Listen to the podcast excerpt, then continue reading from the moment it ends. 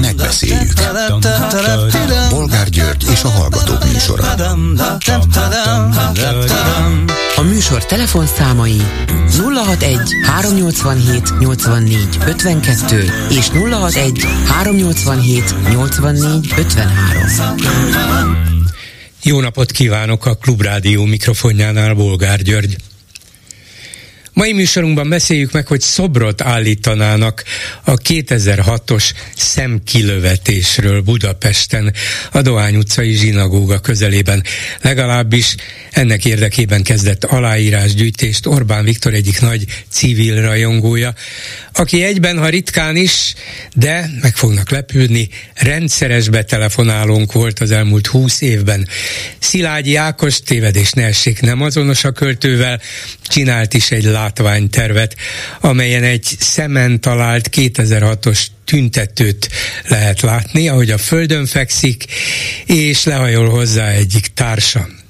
Persze tudjuk, hogy szemkilövetés nem volt, bár kétségtelen, hogy a rendőrök gumilövedékkel eltalálták néhány tiltakozó, demonstráló szemét is, és volt, aki a látását is elvesztette. De erre senki nem adott parancsot, utasítást, ez nem szándékos, hanem hát a tüntetők megállítására alkalmazott, lehet, hogy túl erős és veszélyes rendőri válasz volt. Minden esetre hitték volna, hogy idáig jutunk, és eljutunk-e majd a tényleges szoborállításig is. Igent mond rá Orbán Viktor. Mit gondolnak aztán arról, hogy a HVG kiváló publicistája Tóta V. Árpád szerint elég lenne egyetlen ellenzéki párt a rendszerváltásig. Egy sokszínű, vitázó, demokratikus platformpártot képzel el, amely azonban egységként állna szemben a Fideszsel. Van benne ráció, és van ennek realitása?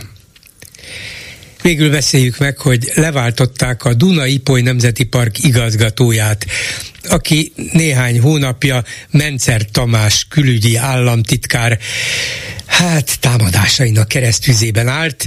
A képviselő külügyi államtitkár keresztény üldözéssel vádolta meg az igazgatót, mert az ellenezte, hogy újra állítsák fel a nagyszínáson tavaly augusztusban fölgyújtott, és egyébként eredetileg engedély nélkül állított keresztet. Ez lesz a sorsa minden keresztény üldözőnek? Telefonszámaink még egyszer 387 84 52 és 387 84 53. Háló, jó napot kívánok! Háló, jó napot kívánok! Én Pécsi László vagyok Budapestről Üdvözlöm Önöket ott bent és hallgató társaimat is. Én nekem a mai hozzászólásom nem ö, pontosan illeszkedik az elhangzott kérdésekhez. Az lenne a neve, hogy mi a teendő, hogy mit kéne csinálni az ellenzéki pártoknak. Itt már annyi ötlet hangzott el jobbról, balról, hogy menjenek vidékre, tartsanak nagy gyűléseket. Én egy kicsit más módszert javasolnák, nevezetesen azt, hogy az ellenzéki pártok, akik hajlandók egymással összefogni legalább eszelgetés szintjén,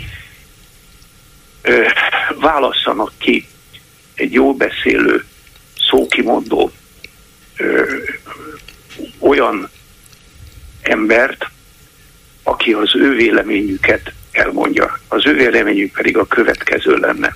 Minden héten egy alkalommal, az, lehetőleg az Orbán beszéd elhangzása után az elhangzottak alapján, amit a héten a fideszesek mondtak, mindegyiket vagy cáfolják, vagy egondják a másik oldalt. Ez lenne a best ö, tájékoztatójának az egyik része.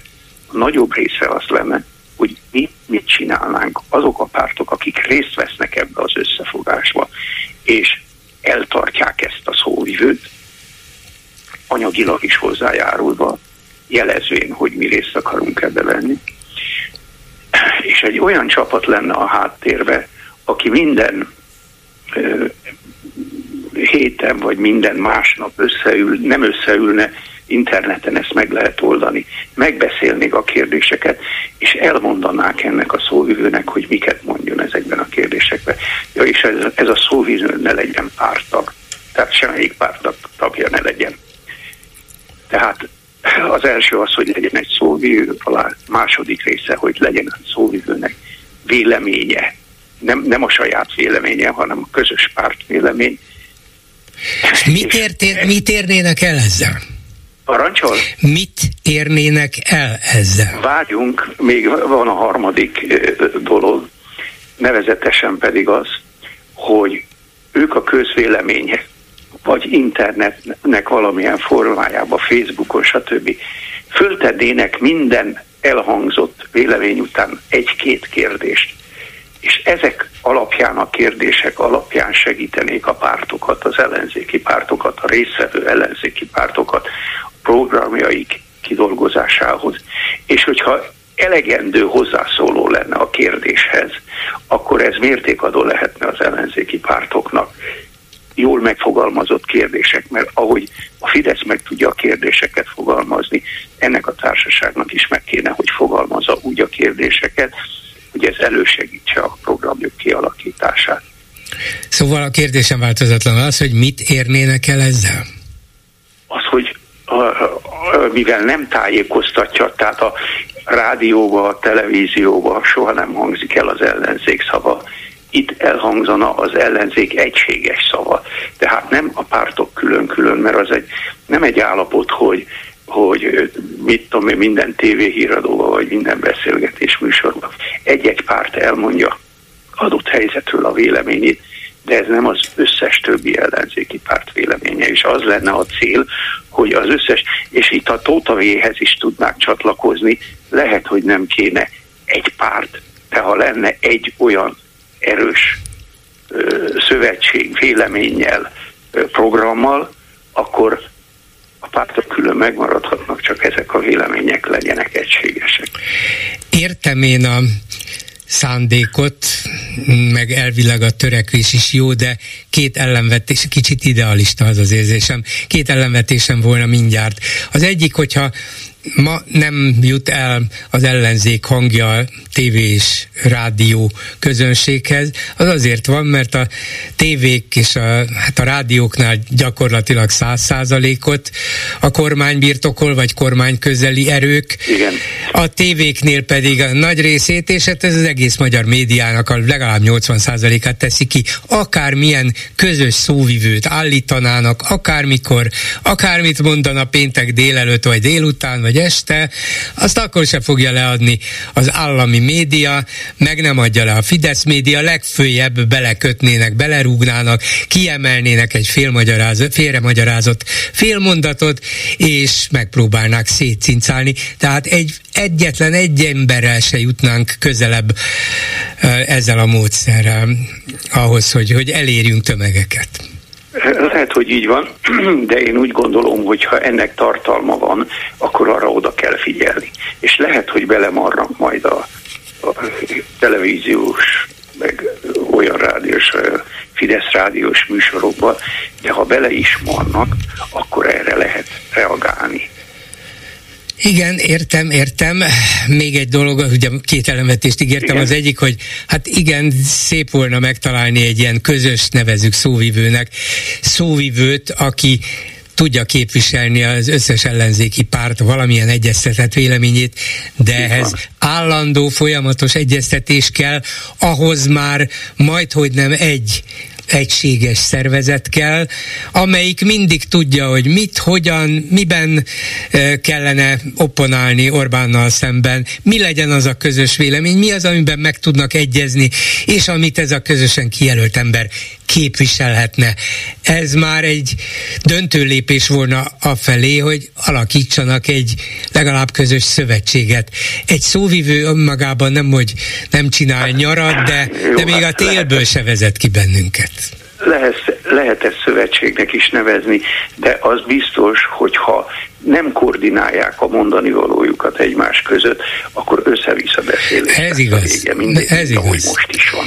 Ez És igaz. erre meg nincs szükségünk, mert az össze-vissza beszéléshez nem lehet alkalmazkodni, arra nem lehet szavazni, és azért lenne fontos kérdezni az embereket, tehát nem az eddigi módszertől eltérően nem nagy gyűléseken, meg mit tudom uh-huh. én, mit tájékoztatott tartani. Hát ha valaki lemegy egy nagy gyűlést tartani, mit tudom én, Pécsre, 300-an beülnek a, a terembe, öt kérdést esetleg el lehet mondani, vagy el, ott Nem lesz elmondani. igazán mély beszélgetés, nem fogják megtudni, hogy miért is gondolja az illető úgy, hogy a kérdése mögött mi van, mi az igazi probléma, hanem csak egy rövid kivonatát kapják bizonyos véleményeknek, amit úgy is tudnak egyébként. Tehát valóban ez nem jó arra, hogy az emberekkel interakcióban legyenek, csak arra, hogy megmutassák magukat. Na de, hát ha ez az interakció létrejönne, mert tartalma lenne, akkor lehet, hogy több ezer, több tízezer ember is elmondhatna a véleményét, olyanok is,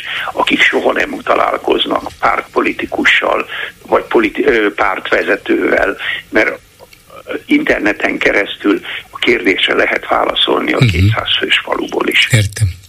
Jó, köszönöm szépen a javaslatát, minden jót, viszont hallásra. Minden jót, viszont hallásra. 387 84 52 és 387 84 53 a számunk. A telefonnál Bokros Lajos, közgazdász, egyetemi tanár, jó napot kívánok! Jó napot kívánok! Aki az élet és irodalom karácsonyi számában írt egy nagy cikket mondhatnám eszének is a következő címmel, az állami homlokzatú oligarchikus önkényuralom politikai gazdaságtana.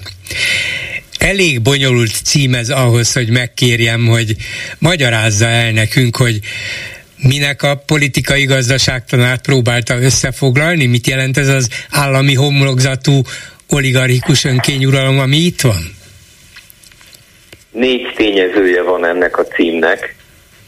Az egyik az, hogy önkényuralomról van szó, ezt azt hiszem sokat nem érdemes magyarázni. Az oligarchikus jelleget azt részletesen kifejtem a cikkben, és a kedves hallgatók javára most megismétlem, hogy azt nevezem oligarchiának, amikor egy zárt vezető csoport maga hatalmát egyrészt vagyonra váltja, másrészt vagyonát politikai vezető szerepével igyekszik minden más versenytől megvédeni.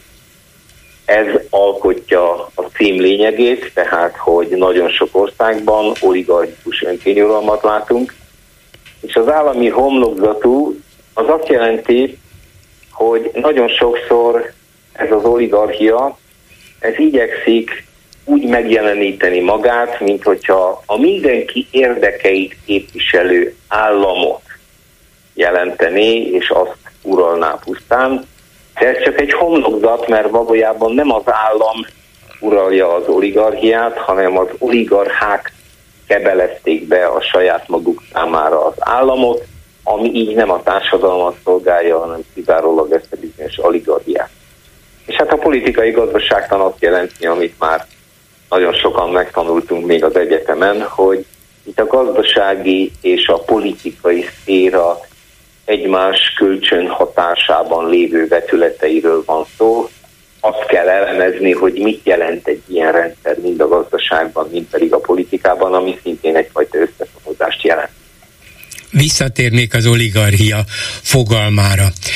És igen, abszolút elfogadom, amit erről mondott, de mintha volna egy kis plusz csavar ebben, legalábbis ahogy Magyarországon történik. Ez az oligarchia nem magától jött létre, nem, hogy nem saját jogán, de még csak um, saját mozgástérrel sem igazán rendelkezik. Ezt az oligarchiát Orbán Viktor nevezte ki, nevelte ki, adta hozzá az állami pénzt, és aztán csinált belőle formálisan magán tulajdonos oligarchákat, akik aztán valóban ezt a nagy vagyonukat, nagy tulajdonukat, nagy gazdasági befolyásukat megint az államban, az államhatalomban is érvényesítik, de az egész, mintha egy ember személyén keresztül működne, rajta és tőle, rajta múlik és tőle függ minden, és mindenki, nem?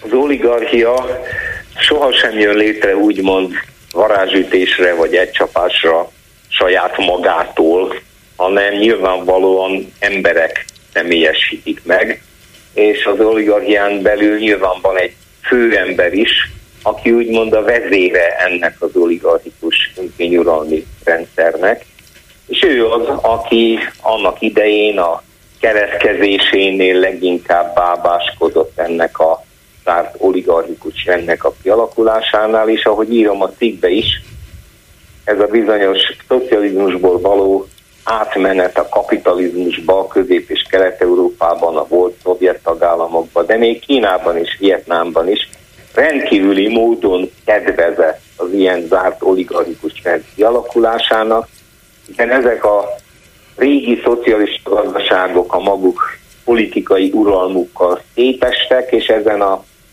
termékeny talajon nyugodtan ki tud csírázni ez az oligarchikus rend, különösen olyan körülmények között, amikor a demokrácia és a jogállam hagyományai, hát finoman szólva is gyengék voltak mindenki, aki ma Magyarországon nagy vagyonnal, nagy gazdasági hatalommal, tulajdonnal rendelkezik, az oligarchiához tartozik. Mondok két nevet, ön nem, említ, nem igazán említett neveket említett, de talán nem a magyar oligarchiára vonatkozó példákat. Szóval, ha mondjuk összehasonlítjuk a két leggazdagabbnak tartott magyart, Mészáros Lőrincet és Csányi Sándort, Csányi Sándor már a rendszerváltás kezdete óta az egyik meghatározó pénzügyi vezető, tulajdonos, nagy vállalkozó lett tulajdonképpen. Mészáros Lőrincet pedig egy időben, néhány évvel ezelőtt, nem egészen egy évtizeddel ezelőtt Orbán Viktor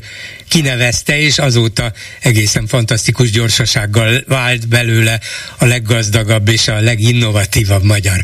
Szóval mind a kettő egyformán oligarchiának nevezhető, hiszen látjuk, hogy Csányi is, mint a legnagyobb magyar bank résztulajdonosa és vezetője, és nagy agrárvállalkozó, és ki tudja még micsoda, bizonyos értelemben kénytelen függ, függni a kormánytól, és, és bizonyos feladatokat el is vállal, amit a kormányfő oszt ki rá. De nem ugyanolyan szerepet játszik, mint Mészáros. A cikkben vannak említve nevek, sőt magyar név is meg Igen. van említve. Mint nem oligarha. Gábort említem, nem oligarha. Aki gazdag ember, de nem oligarha, és aki a maga vagyonát, amit egyébként a munkájával, tehetségével, tapasztalatával és teljesítményével szerzett, azt soha nem váltotta át politikai hatalomra. A másik példám az Angela Merkel, aki a világ leghatalmasabb női politikusa és vezetője volt, 16 évig kancellárja volt Németországnak, de nagyon vigyázott arra, hogy a maga rettenetes, mérhetetlen politikai hatalmát sohasem váltsa át anyagi gazdagságra és vagyonra. És ez nagyon fontos, hogy lássuk azt, hogy ugyan a kapitalizmus az a vagyon tervés nyomán rendszeresen megszüli úgymond a gazdag embert és a vállalkozót és az jövedelmi és vagyoni egyenlőtlenségeket fokozza, de ezek közül nem mindenki válik oligarchává, mert csak az válik oligarchává, aki utána az így vagy úgy megszerzett vagyonát politikai befolyásra váltja, és a politikai befolyását pedig arra használja föl, hogy ezt a megszerzett vagyont soha többet senki tisztességes és szabad verseny alapján meg ne, tudja kérdőjelezni.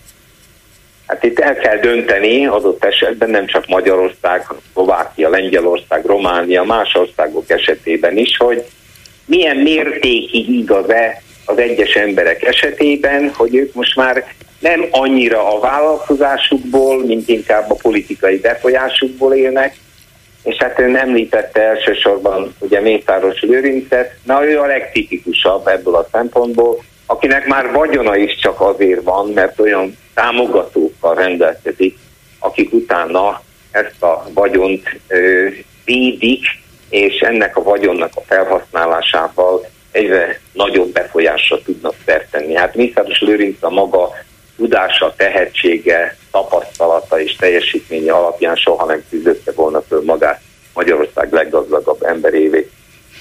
Igen. A cikkében vitába száll azokkal, akik gyakran a feudalizmushoz hasonlítják ezt a mostani oligarchikus önkényuralmat, és azt mondja, hogy nem, nem, ez nem feudalizmus, tulajdonképpen ez rosszabb. Miért? Én szeretem a feudalizmust, ezen talán sokan mosolyognak, Na. mert a feudalizmusból született meg az a nyugati civilizáció és kultúra, ami utána a szabad világot a maga piac gazdaságával, kapitalista tőke felhalmozásával, végső soron a nyugállamot és a demokráciát is megszűnte, illetve alátámasztotta. Tehát a feudalizmus az egy nagyon fontos lépcsőfok volt, elsősorban a nyugat-európai fejlődési vonalban, és megmondom, hogy mi az ugrópont, nevezetesen az, hogy ugyan a feudalizmusban az úgynevezett hűbérű és a hűbéres az egymással úgy lépett kapcsolatba, hogy ez a viszony, ez egyenlőtlen volt, mert hiszen a hűbéres az azért kereste a hűbér úr társaságát, hogy az megvédje őt más hűbérurak támadásaitól, és a maga kis vagyonkáját így e, tudta gyarapítani. De nagyon lényeges, hogy ez nem egy egyoldalú függőségi viszony volt, ahogy ezt Szűcs Jenő annak idején nagyon szépen leírta, hanem ebben benne volt az a úgynevezett szerződéses jelleg, hogy a hővér úrnak is voltak szabott kötelezettsége, és hogyha ezeket nem teljesítette, akkor ő ugyanúgy a hűtlenség vagy az árulás bűnébe esett, mint adott esetben a hűvérese. És ez azért nagyon fontos, mert ha ez a szerződéses jellege a nyugat-európai feudalizmusnak nem lett volna, akkor ebből nem tudott volna sose kialakulni az a fajta rendiség, a rendi társadalom, ahol ugye maguk a hűbéresek is egymással úgymond horizontális kapcsolatba kerülvén meg tudtak testesíteni egy ilyen tömbösített ellenállást adott esetben még a királlyal szemben is. És jogaik lettek, és ezeket a jogaikat tudták védeni. Ma az oligarchikus társadalomban egyoldalú függőség van, az alávetetteknek nincsenek jogai, teljes mértékben ki vannak szolgáltatva az úgynevezett vezető oligarchák teszélyének, a vagyonukat bármelyik pillanatban elvehetik, ha magántulajdon szentsége az nem létezik, a szerződéseket nem tartják be, vagy nem feltétlenül tartják be, és ennek eredményeképpen a fortélyos önkény és a félelem igazgat, az önkény a oligarchák részéről, és a félelem pedig az alávetettek részéről. Tehát Magyarországon egy olyan rendszer alakult ki, ahol a legfőbb oligarha, tudjuk ki, gyakorlatilag mindent és mindenkit kézben tart, mindenkit um, félelemben tart, mindenkit megleckéztethet, mindenkit jutalmazhat, annak rendje és módja, illetve a saját érdekei szerint? akarja, megteheti.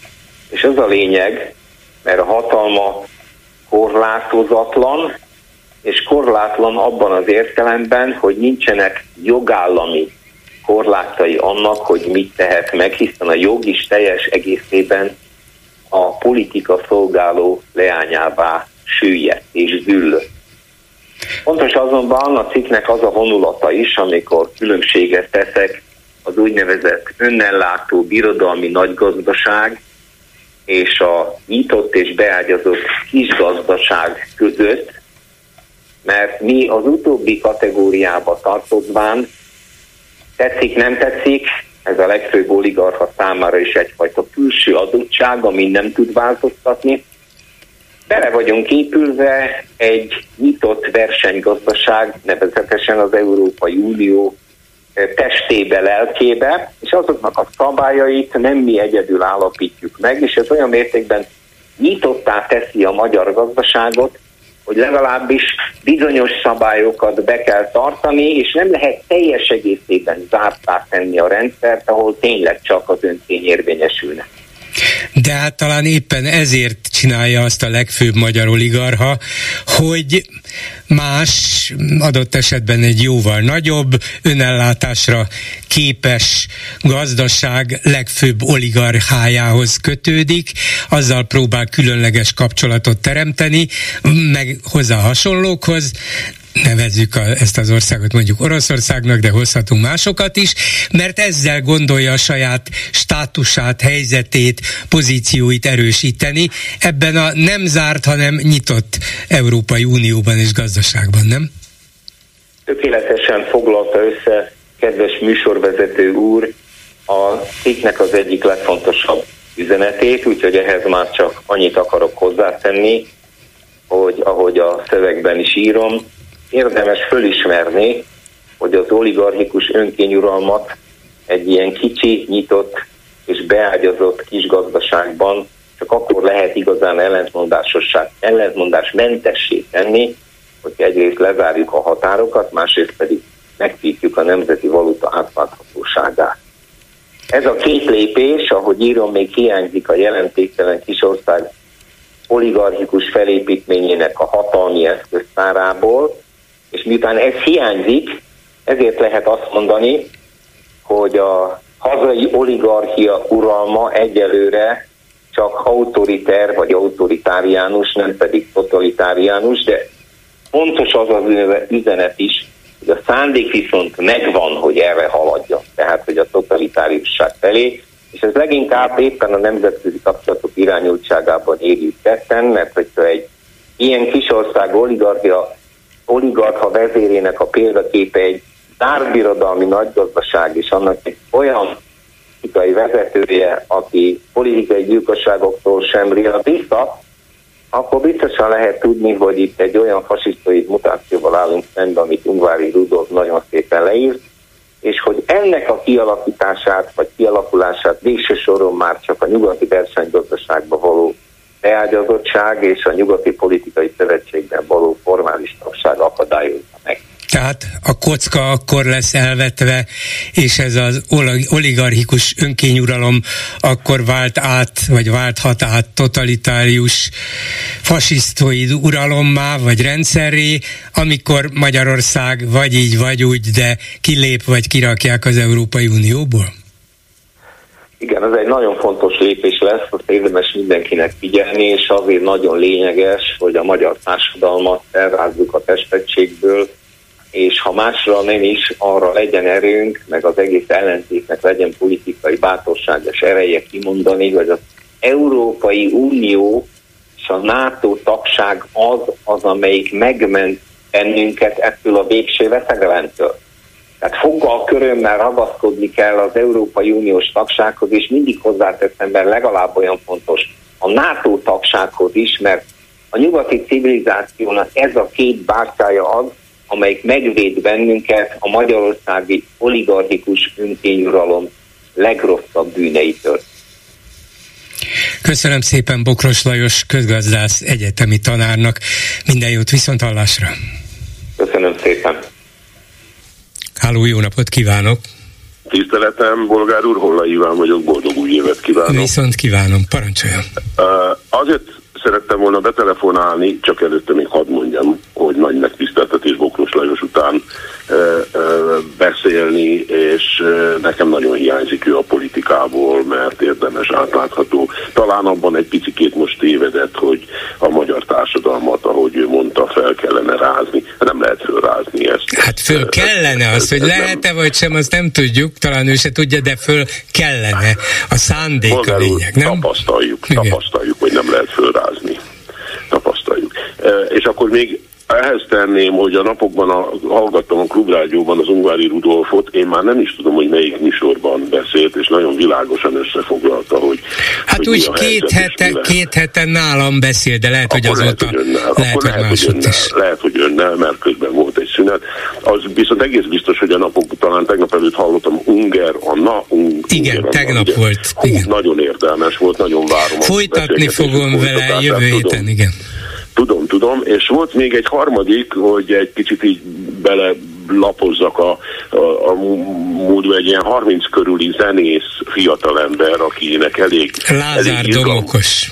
Ő, na, látja, ő nem emlékszik a nevére. Őt is szívesen hallgatnám még sokat, mert nagyon önnel szemben, már elnézést, ők mind a három megnevezett személyiségnek az a véleménye, hogy ez a jelenlegi ellenzék, ez, ez, ez, ez csak csak úgy el van, mind a befőtt. És itt, itt húznám a, a, oda, hogy a Bokros úr pedig, amikor azt mondja, hogy föl lehetne rázni, hát kirázza föl. Annak kéne fölrázni, akinek akinek erre lehetőség Ez az ellenzék kérdése, hogy milyen ez, ez mindig előjön, és, és ugye általában a telefonálók is azon a véleményen vannak, amin ön, meg az említettek.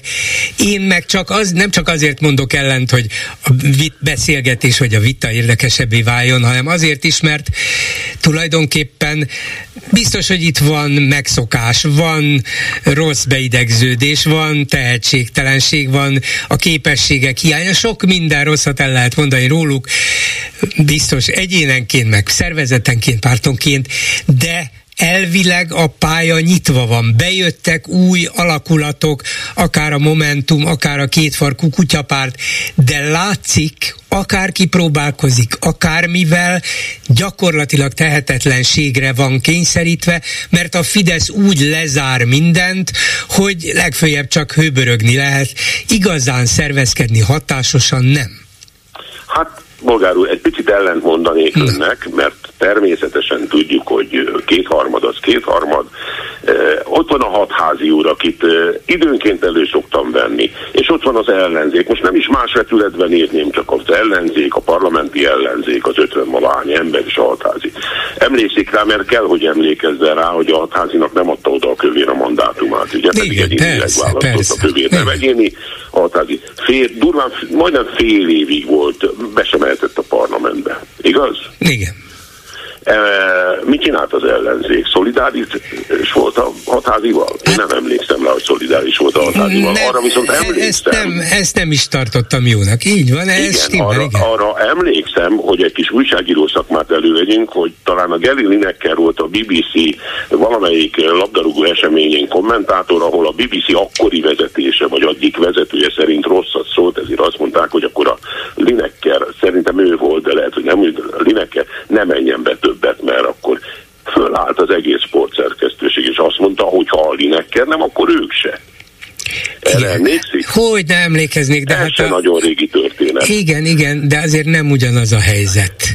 Hát nem, hát nem, ugyan, hát nem, ugyanaz a, nem ugyanaz a helyzet. Me, de mennyiben más? Hát annyiban ez az újságírókra jobban vonatkozna, például egy olyan helyzetre, hogy Orbán Viktor egy évben egyszer tart egy nemzetközi sajtótájékoztatót, de nem engedik be mondjuk a Magyar Hangcímű etilapot, vagy az átlátszó portál újságíróját, és a Klubrádió tudósítóján kívül senki más nem mondta azt, hogy ja, akkor nem megyünk be. Igen, ebben igaza van, bocsásson meg, de én az analógiát nem is e, e, így, így, így, így húztam volna meg, hogyha meg lehet húzni, hanem úgy, hogy egy ellenzéki képviselőt, egy megválasztott ellenzéki egyéni képviselőt nem engednek be a parlamentbe, és ezt a többi ellenzéki képviselő simán tudomásul vette, semmiféle, semmiféle tiltakozásuk nem volt ebben az ügyben. E, és az analogia ott érdekes, hogy egy BBC riportert egy egy BBC házelnök, hogy így mondjam, fenéken billentett, és erre a többi BBC-s dolgozó pedig azt mondta, hát ha őt nem, akkor ők sem. Igen, mondjuk Ennyiben még azt is, hogy a BBC-nek fontosabb Gary Lineker, tehát mindannyian tudták, a tiltakozók is, hogy itt a BBC nagyon könnyen meghátrálhat, ha a többiek is kiállnak mellette. Itt viszont az ellenzék akár cigánykereket hányhatott volna, akkor sem hát, el igen, semmit. Igen, rendszeresen ez az ön véleménye, és ezzel én nem tudok azonosulni. Nagyon tisztelem és nagyon kedvelem ön, de ezzel én nem tudok azonosulni. Jó, egy, de egyébként egyetértünk, hogy tiltakozni kellett volna, akár úgy, hogy van. távol maradnak folytot, folyamatosan. Tehát, és akkor ezt hagynám is, amiért igazán betelefonáltam, az arról szól a 2006-os, és e, akkor emeltem fel a telefont, amikor e, a szemkilövetésről beszélt, hogy akkor ez ma téma lesz. Én is olvastam, hogy egy szoborra gyűjtés lesz. Igen. Most, ha ideges, megnyugtatom, össze fog gyűlni a pénz. az egész biztos vagyok benne, hogy össze fog Igen, jönni a pénz. Rengeteg névtelen adományozó lesz, akinek így van, Csak az a baj, hogy én, Csak mint operatőr ott voltam, ott voltam ezen az eseményen, tudja, ott voltam. Uh-huh. Én akkor a TV2-nél dolgoztam, és ott voltunk ezen az eseményen, amit ugye egy spontán, spontán, spontán megnyilvánulása volt az Gyurcsány beszéddel elégedetlen tömegeknek. De én nem ezt láttam, bolgár úr.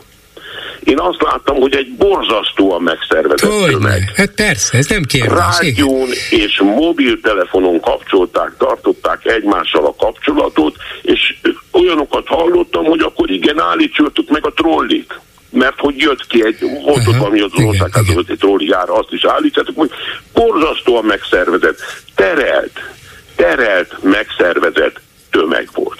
És ugyanebben az időben csak annyit még ehhez a, a szemkülletésére, nem tudom, hogy uh, mindenhol a világban vannak. Nálunk, nálunk érdemesebb demokráciákban is vannak, vannak összecsapások, tüntetők, elégedetlenek, és ez teljesen rendben van.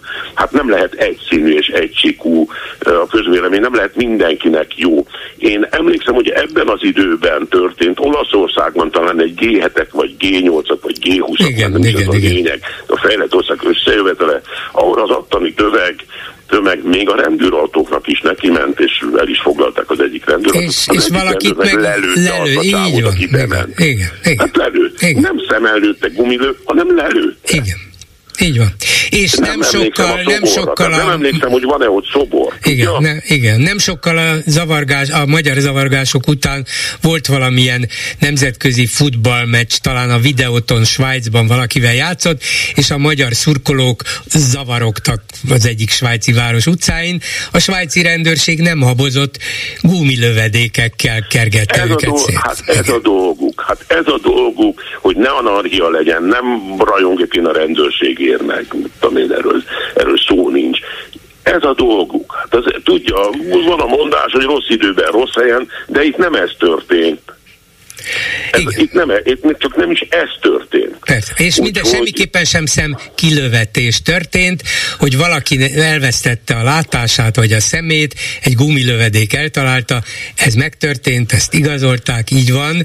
Nagyon szerencsétlen az illető számára is, meg de jó lett volna, ha nem így történik, de hogy ez nem egy ártatlan tiltakozás volt, ahol, ahol hát kezüket az égnek emelve, vagy, vagy imádkozva tüntettek ott, hogy demokratikus, szabad Magyarországot, hanem bizony erőszakosan rátámadtak többször is a rendőrökre. Igen. Nem is az történt, hogy a rendőrség parancsot kapott, szerintem, bár nem voltam a rendőrség parancs kiosztójánál semmi, de alig nem tudom feltételezni azt, jártam akkoriban sok tüntetésre, érdekesekre is, hogy, hogy a rendőrségnek az lett volna valakinek, ott a, a sorfalnak az lett volna a parancs, hogy akkor lőjétek ki a szemüket a tüntetőknek. Ez, ez, így, ez, ez így nem igaz. Így van. Nem sokkal előtte volt, azt hiszem elő, a tévészékház ugye az előtte volt, ahol a... Persze, igen, ott, ott kezdődött, igen. Ott is, ott is nagyon kedvesen léptek fel a tüntetők. A, a És mindenki látta, hogy hogyan, persze. Hát igen, igen, ott sincs szobor. Ott így van, van kollégám, akinek a saját kocsiját gyűjtöttek föl. Nem tartanám föl, Köszönöm csak szépen. volna elmondani. Viszont Köszönöm, minden jót, bolgár úr. A telefonnál pedig Kenesei István nyelvész, professzor emeritus, a Magyar Tudományos Akadémia rendes tagja. Jó estét kívánok! Jó napot kívánok, bolgár úr!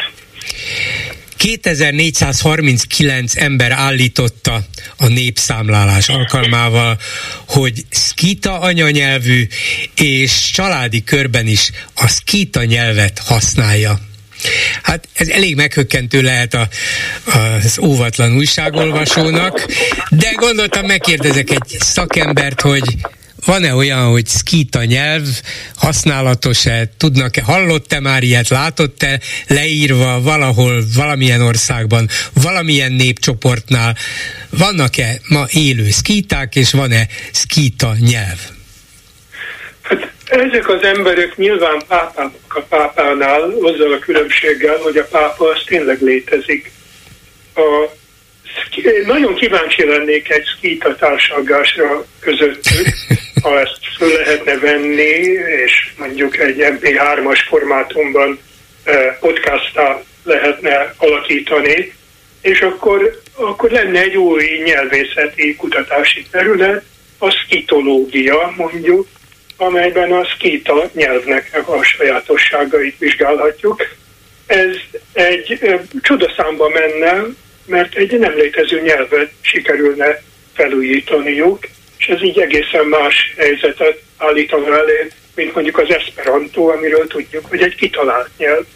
A szkítákról beszél a történelem, Herodotos óta ismerjük magát a, a terminust, a népnevet, és hát mint nagy hódító nép jelentős hírük volt a világban, ezért ugyanazok, akik a hunrokonságot, vagy korábban a, a, a sumér rokonságot tartották fontosnak, lényegében ugyanabból a meggondolásból úgy találják, hogy ez a magyarság rangját emeli, hogyha egy szkíta e, rokonságot fölfedeznek, vagy a saját e, életüket szebbé teszi, hogyha őt szkitának tudhatják magukat. Szkitákról, mint mondtam, tud a történelem, de a nyelvüket nem ismerjük. Na, olyan sejtéseink vannak, hogy ez egyfajta iráni, új-iráni e, nyelvcsalád vagy nyelvjárás lehetett, de nincsenek nyelvemlékeink róla. Semmilyen, semmilyen formában valami nekik tulajdonított nyelvemlék sincs, amiről nem tudják biztosan, de hát el lehet képzelni, hogy ezek ők voltak. Nem. Régészeti emlékek vannak, régészeti emlékek még Magyarországon is vannak, de azt se tudjuk, hogy azok hogy kerültek ide, hogy voltak-e itt szkíták, vagy pedig a szkítákkal kereskedő, vagy azokkal harcoló törzsek elitje hozta be őket, amikor itt letelepedett a, a Kárpát-medencében. Nem tudunk szkíta nyelvről, ettől függetlenül valakinek lehet szkíta azonosság tudata, miért is ne lehetne akár viking azonosság tudata valakinek, ha éppen ezt úgy szeretné, vagy Sioux indián. Igen, hát az ember el tudja képzelni, hogy egy ilyen, ilyen um mondjuk egyéni életmegoldás, ez előfordulhat, hogy ki hogyan találja meg a saját identitását, jelenét és jövőjét, nem is érdemes ezzel foglalkozni, de hogyha 2439-en találják meg magukban a rég elveszett, sosem volt skitát, akkor azért gyanút fog, hogy hát ha emögött valamiféle más elképzelés lakozik, és, és az a kérdés, hogy lehet-e valamilyen módon ezt erősíteni, fokozni, lehet-e valamilyen módon egy új szkíta nyelvet ezek szerint nem létező ószkítára alapozva megteremteni? Hát ugyanúgy ki lehet találni, ahogy egy huni nyelvet is ki lehet találni a semmiből, csak ezt nem tudjuk adatolni, hogy ennek köze lehet valamilyen a régiségben élő honi nyelvvel, mert arról nincsenek adatai. Úgyhogy itt két nagy probléma van, hiszen ezt arra kívánták kihasználni, hogy egy két a, a nemzetiséget tudjanak az országgyűlés határozatával megalapítani. Két probléma van vele, hogy a magyar nemzetiségi törvény azt írja elő, hogy legyen száz éves folyamatos jelenlét, illetve legyen egy ilyen népcsoport. Na most ez a, pontosan ez a kettő hiányzik a, a, a szkíták esetében, mert mondjuk a Magyarországon élő kínaiak esetében több mint tízezren vannak, ha jól emlékszem a legutóbbi népszámlálási adatokra, de éppen nem élnek itt száz éve, tehát ők ezért nem lehetnek népcsoport vagy elismert ilyen, ilyen módon elismert népcsoport. A szkítákkal több baj van, mint a kínaiakkal. De a szkítákra nem csak most ezekben a hónapokban, években, hanem gyakorlatilag a rendszerváltás óta, sőt biztos vagyok benne, hogy előtte is többen hivatkoznak úgy, mint, mint valamilyen módon az őseinkre, hogy tulajdonképpen mi vagyunk a, az ő igazi leszármazottaik, és, és erre a múltra, erre a hősi nagy múltra emlékezve kellene föltámasztani a szkítákat a jelenben is. Van valami konkrét, bizonyítható kapcsolat arra, hogy bármilyen magyar törzs és a szkíták akár rokoni, akár egyéb kapcsolatban voltak? Vagy csak lehettek? Ez a gondolat a 19. század közepétől él, amióta el, elutasították a finnugor uráli rokonságot, és ezt Habsburg összeesküvésnek hívták, amint az legutóbbi napokban a, éppen az M5-ön is bemutattak egy mongol dokumentumfilmet, amely még a korábbi, a Magyarságkutató Intézet korábbi vezetésére hivatkozott, hogy itten van egy élő un leszármazása a, a magyarságnak. Annyit a, a nyelvészeti bizonyíték csak odáig tart, hogy vannak óiráni eredetű szavak a magyar nyelvben, nem sok van, például éppen a kard, hogy valami előkelő dolgot nevezzek, de emellett a tej is talán iráni eredetű. Szóval van egy ilyen 20-30 olyan szó a magyar nyelvben, ezek az alapszókincsben vannak benne, amelyek iráni eredetűek. Ha a szkíta iráni nyelv volt, akkor lehetséges, hogy az iráni kapcsolat révén volt valami érintkezés, akár a szkítákkal is. De a szkítákról nem tudunk semmit. Konkrétan az ő nyelvükről nem tudunk semmit. Iráni nyelvekről tudunk, de hát ez egy óriási nyelvcsalád. Ha már a hunokat is felhozta itt példának, és akkor csak közben jegyzem meg, hogy na hát még az M5-öt is figyeli ilyen dokumentum filmek tárgyában. A dokumentumot azt most tegyük idézőjelbe. A lényeg az, hogy Hunnak is vallották magukat jó néhányan a népszámlálás alkalmával, annak még, a, még több érzelmi és, és hát legendáriumra alapozó magyarázatát el tudom fogadni, vagy, vagy meg tudom érteni, és azt mondom, hogy jó, hát vannak, akik ezt így képzelik, de például a hun nyelvre, a hunok nyelvéről vannak bármilyen emlékeink, vagy van, létezik annak ugyanúgy, mint a szkítáknak esetleg nincs semmi, amire alapozva azt lehet mondani, hogy a hunok nem tudjuk milyen nyelvet beszéltek, a nyelv nem ismert, de itt-ott esetleg ez vagy az utal rá, hogy ez hun nyelvű lehetett? Megint csak azt tudom mondani, hogy nincsenek bizonyítékok a kezünkben. Nyilván valamilyen nyelven beszéltek a hun előkelők, és ugye azt tudjuk, hogy a hun birodalom van a hunok talán éppen kisebbségben is voltak, hisz egy ilyen óriási birodalom az alávetett népekkel együtt harcolt a, és alakította ki ezt a nagy birodalmat, ugyanúgy, ahogy a, a mongol birodalom, amelyik elfoglalta Magyarországot is, a tatárokat nyomta előre, azért hívjuk tatárjárásnak, mint azt éppen a napokban egy, egy szép interjúban Rónatos András professzor is bemutatta, nem tudjuk, nem tudjuk, hogy milyen volt a hun előkelőknek a nyelve, a hun vezetőknek a nyelve, a hun birodalom pedig egy többnyelvű eh, állam lehetett, amíg létezett. Annyiban talán idézőjelben mondva jogosabb a hunokra tekinteni, mint elődökre, eh, hogy a hunok már a Krisztus után éltek a, az akkori Pannonia területén, a szkítákról úgy tudjuk, hogy csak Krisztus előtt voltak e, ezen a tájon, e, és az addigra már visszavonultak innen, mire a hunok e, elfoglalták ezt ezt a területet is, az is egy hatalmas birodalom volt. Igen, bár mi még akkor állítólag nem voltunk itt, legalábbis a tudomány mai, mai állása szerint, de hát legalább ez a földrajzi egybeesés, ez megvan. Az ember azt gondolná, tulajdonképpen nem kérdés, csak olyan milyen hangos gondolkodás ez, hogy, hogy ha valaki olyan nagy magyarnak gondolja magát, és azt, azt hiszi, hogy nála nagyobban, kevesen vannak, nála kevesebben tartják nagyobb tiszteletben a magyar nyelvet, a magyar szokásokat, a magyar múltat, akkor legalább arra kellene, hogy büszke legyen, hogy magyarul beszél otthon is, máshol is, nem árt, ha más nyelvet is, de mintha a létező magyar nyelvet kellene művelni, gyakorolni, hogy nem létező szkítát, hát én nekem továbbra is tátában marad a szám, de ön úgy látom, hogy megértőbb, már abból a szempontból megértőbb, hogy hát vannak ilyen emberek is, így gondolkoznak, nem kell annyira csodálkozni, úgyhogy ne csodálkozzak én. A lelküket, a lelküket megértem, de hát ez nem tudomány, ez, ez, ez egy vágy.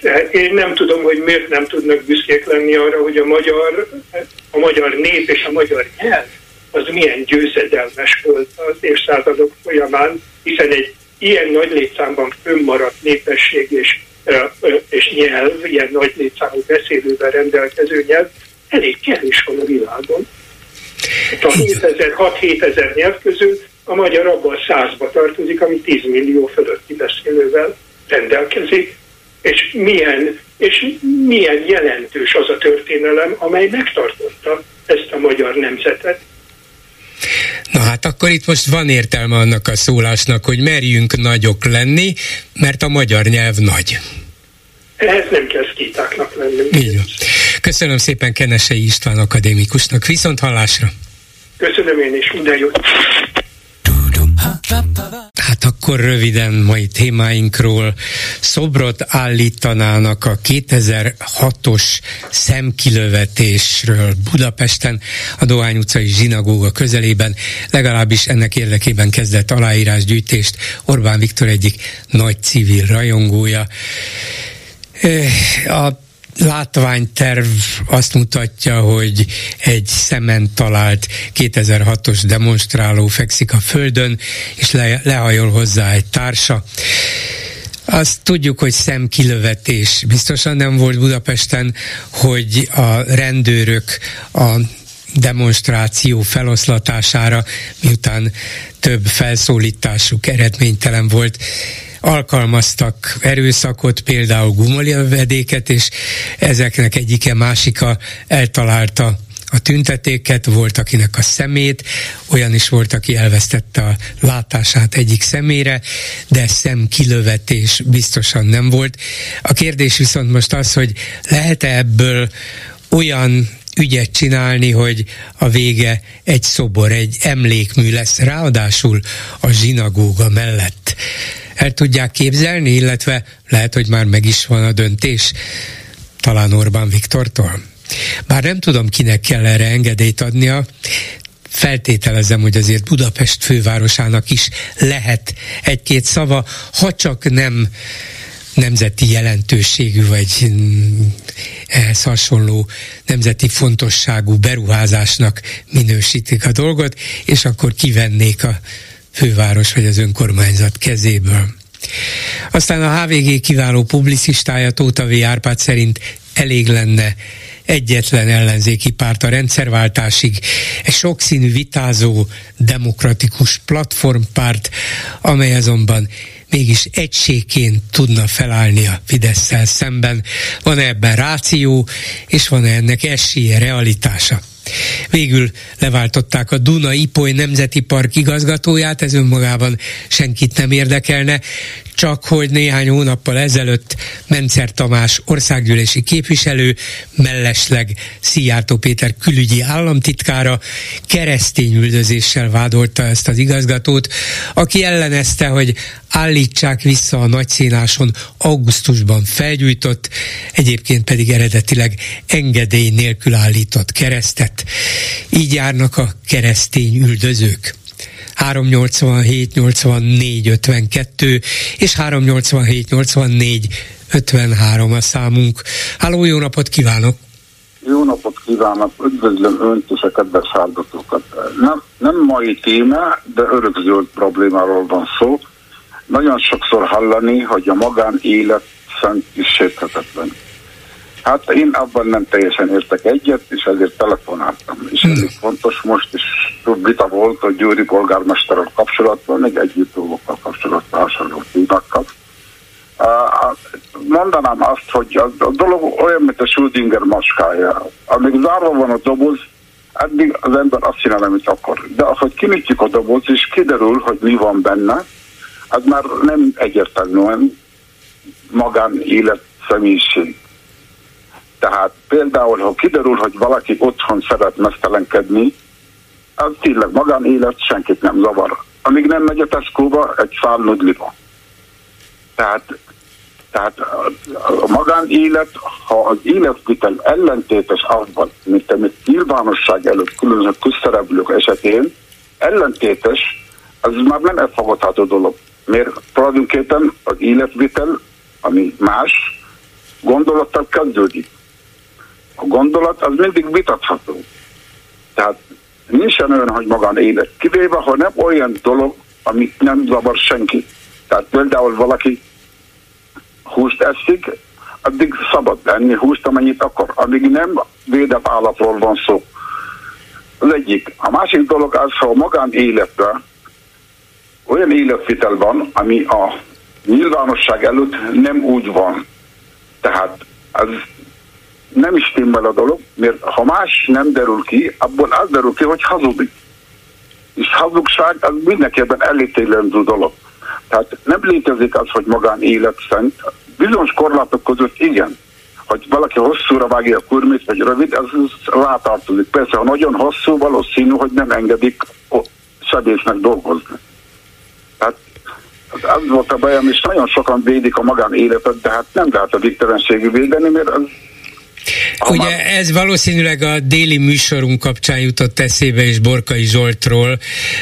Én azt mondanám, hogy a magánélet az, az nagyon nagy szféra, és jó, hogy abban nincs másnak beleszólása, csak a magánélet személyes résztvevőinek, akiknek közük van az illető magánéletéhez, annak ilyen-olyan szereplői, résztvevői, de a külvilágnak nem nagyon, ha csak őket nem sérti látványosan, kirívóan, és számukra nem valami elviselhetetlen következményei vannak az illető magánéleti különböző szokásainak, gyakorlatának, de hogyha egy közéleti szereplő nevezetesen a volt győri polgármester éli úgy a magánéletét, nem a nyilvánosság előtt, csak ez kikerül valahonnét, akkor ebbe ugyan elvileg nem volna beleszólásunk, és nem kellene benéznünk egy jakt fedélzetére, hogy ott mi folyik, csak akkor van probléma, és ilyenkor már a közvéleménynek joga van véleményt nyilvánítani, hogyha egy politikus, egy közismert ember aki vizet prédikál, de bort iszik, bukik le egy ilyennel, és abban a pillanatban ezt a magánéleti szentséget, vagy a magánéletet teljesen alaptalan védeni, mert az illetőről kiderül, hogy egészen mást csinál a, az életében, mint ami, aminek alapján szeretné, hogy őt válasszák meg. És ez már a közre tartozik. Így van, így van, így van. Tehát, tehát de mondok egy másik példát. Például, ha valaki tényleg senkit nem zavar, de kiderül róla, hogy meleg. Óhatatlanul a homofóbok, azok távolodni fognak tőle. Enélkül, hogy bántanák. Tehát, tehát ami nyilvánosságra kerül, az mindenképpen a közhoz tartozik. Legyen bármilyen jellegű. Ha tényleg nagyon személyes dolog, akkor a közvélemény nem fog felháborodni ezen, ahogy az előbb mondtam egy-két példát. Igen. De egyébként közszereplőknek a magánélete is része a, a társadalom kritikájának, dicséretének, és így tovább, és így tovább. Köszön, igen. Mondani, Köszönöm szépen, viszont hallásra. Köszönöm, viszont hallásra. A vonalban pedig Pesti László filmrendező, dokumentumfilmes producer, a Pesti Fekete Doboz alapítója, szervusz!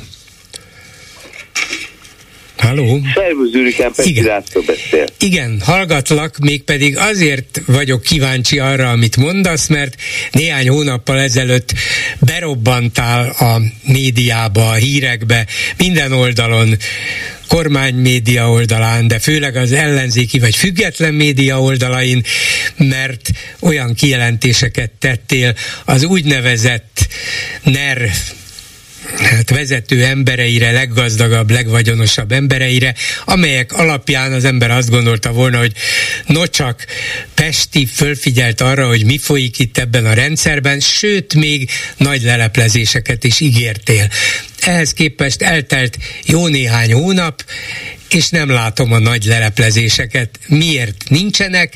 Nem találtad meg őket? Nem jelentkeztek azok, akik ezzel hitegettek téged, vagy úgy gondolták, hogy majd lesz valami, és te ezt nyilvánosság elé tárod, vagy nem mered a nyilvánosságra hozni őket? Gyurikám, nem ugye nem hallasz, hogy csak drága bolgár úrnak szólítalak. Érzem benne az iróniát, de nem haragszom. Széles nyilvánosság. Igen. Na. Kérdésre azt tudom válaszolni, hogy én pontosan négy nappal ezelőtt hoztam nyilvánosságra az utolsó, nem az utolsó, hát a pillanatilag utolsó, hát meglehetősen a általam orkoknak nevezett a Fidesz tisztességes konzervatív párt testén élősködő orkoknak kellemetlen utolsó sztorimat, ez a negyedik volt, és ehhez képest, drága bolgár úr, nagyon meglep, hogy te, aki oly tájékozott és tapasztalt uh, újságíró kollega vagy, azt mondtad az imént, hogy egyet se hoztam nyilvánosságra, pedig ez a negyedik volt. Uh-huh. Pont a negyedik 4.0. Én nagy leleplezésekről beszéltem, ez a legutóbbi, amit nyilvánosságra hoztál, ez arról szól, valakinek a bejelentése hozzád küldött figyelmeztetése levele, hogy Füzes Abony környéki vasútvonalak új informatikai beruházását hogyan síbolják el, vagy hogyan hekelik meg, vagy hogyan nyúlják le. Lehet, hogy ez is fontos, de illetve biztos vagyok benne, érdemes megvizsgálni, nagyon fontos a dolog, de Hatházi Ákos független képviselő minden héten előjön egy hasonló történettel, az egyik izgalmasabb, a másik kevésbé, azt lehet látni, hogy ez egy rendszer, de ő rendszerszerűen mutatja be ezeket már évek óta. Most te is beálltál egy új hatházi Ákosnak, miközben te talán belső információk alapján nagy, hatalmas leleplezéseket ígértél? Hát nézd, drága bolgár úr, én azt gondolom, hogy nem illik egyszerre hármat kérdezni, de megpróbálom követni a fonalat.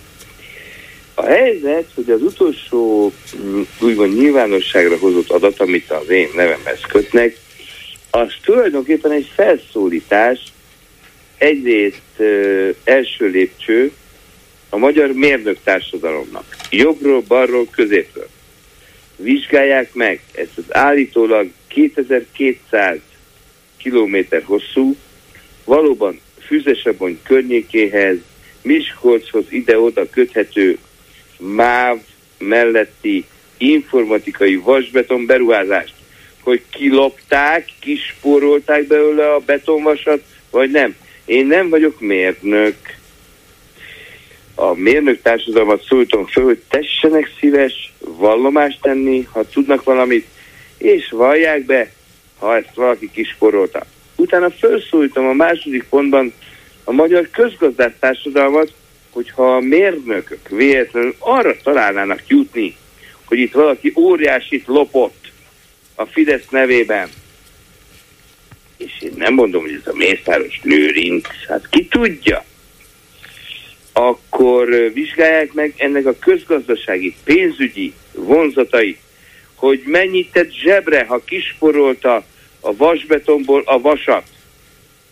A harmadik lépcsőben felszólítom a jogász társadalmat, jobbról és balról, hogy nézzék meg, ha megáll a vád, ez csak egy polgári ügy, vagy ad abszurdum büntető.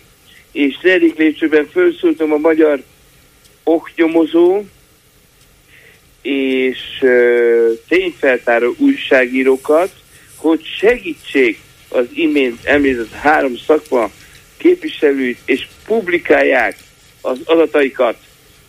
Hát én nem vagyok gépészmérnök, én nem vagyok, nem vagyok profi jogász, jó, hát van egy jogi végzettségem, én nem vagyok közgazdász, de alapos a gyanú, ahogy a rendőrségi szakzsargon mondja, hogy ott történt valami.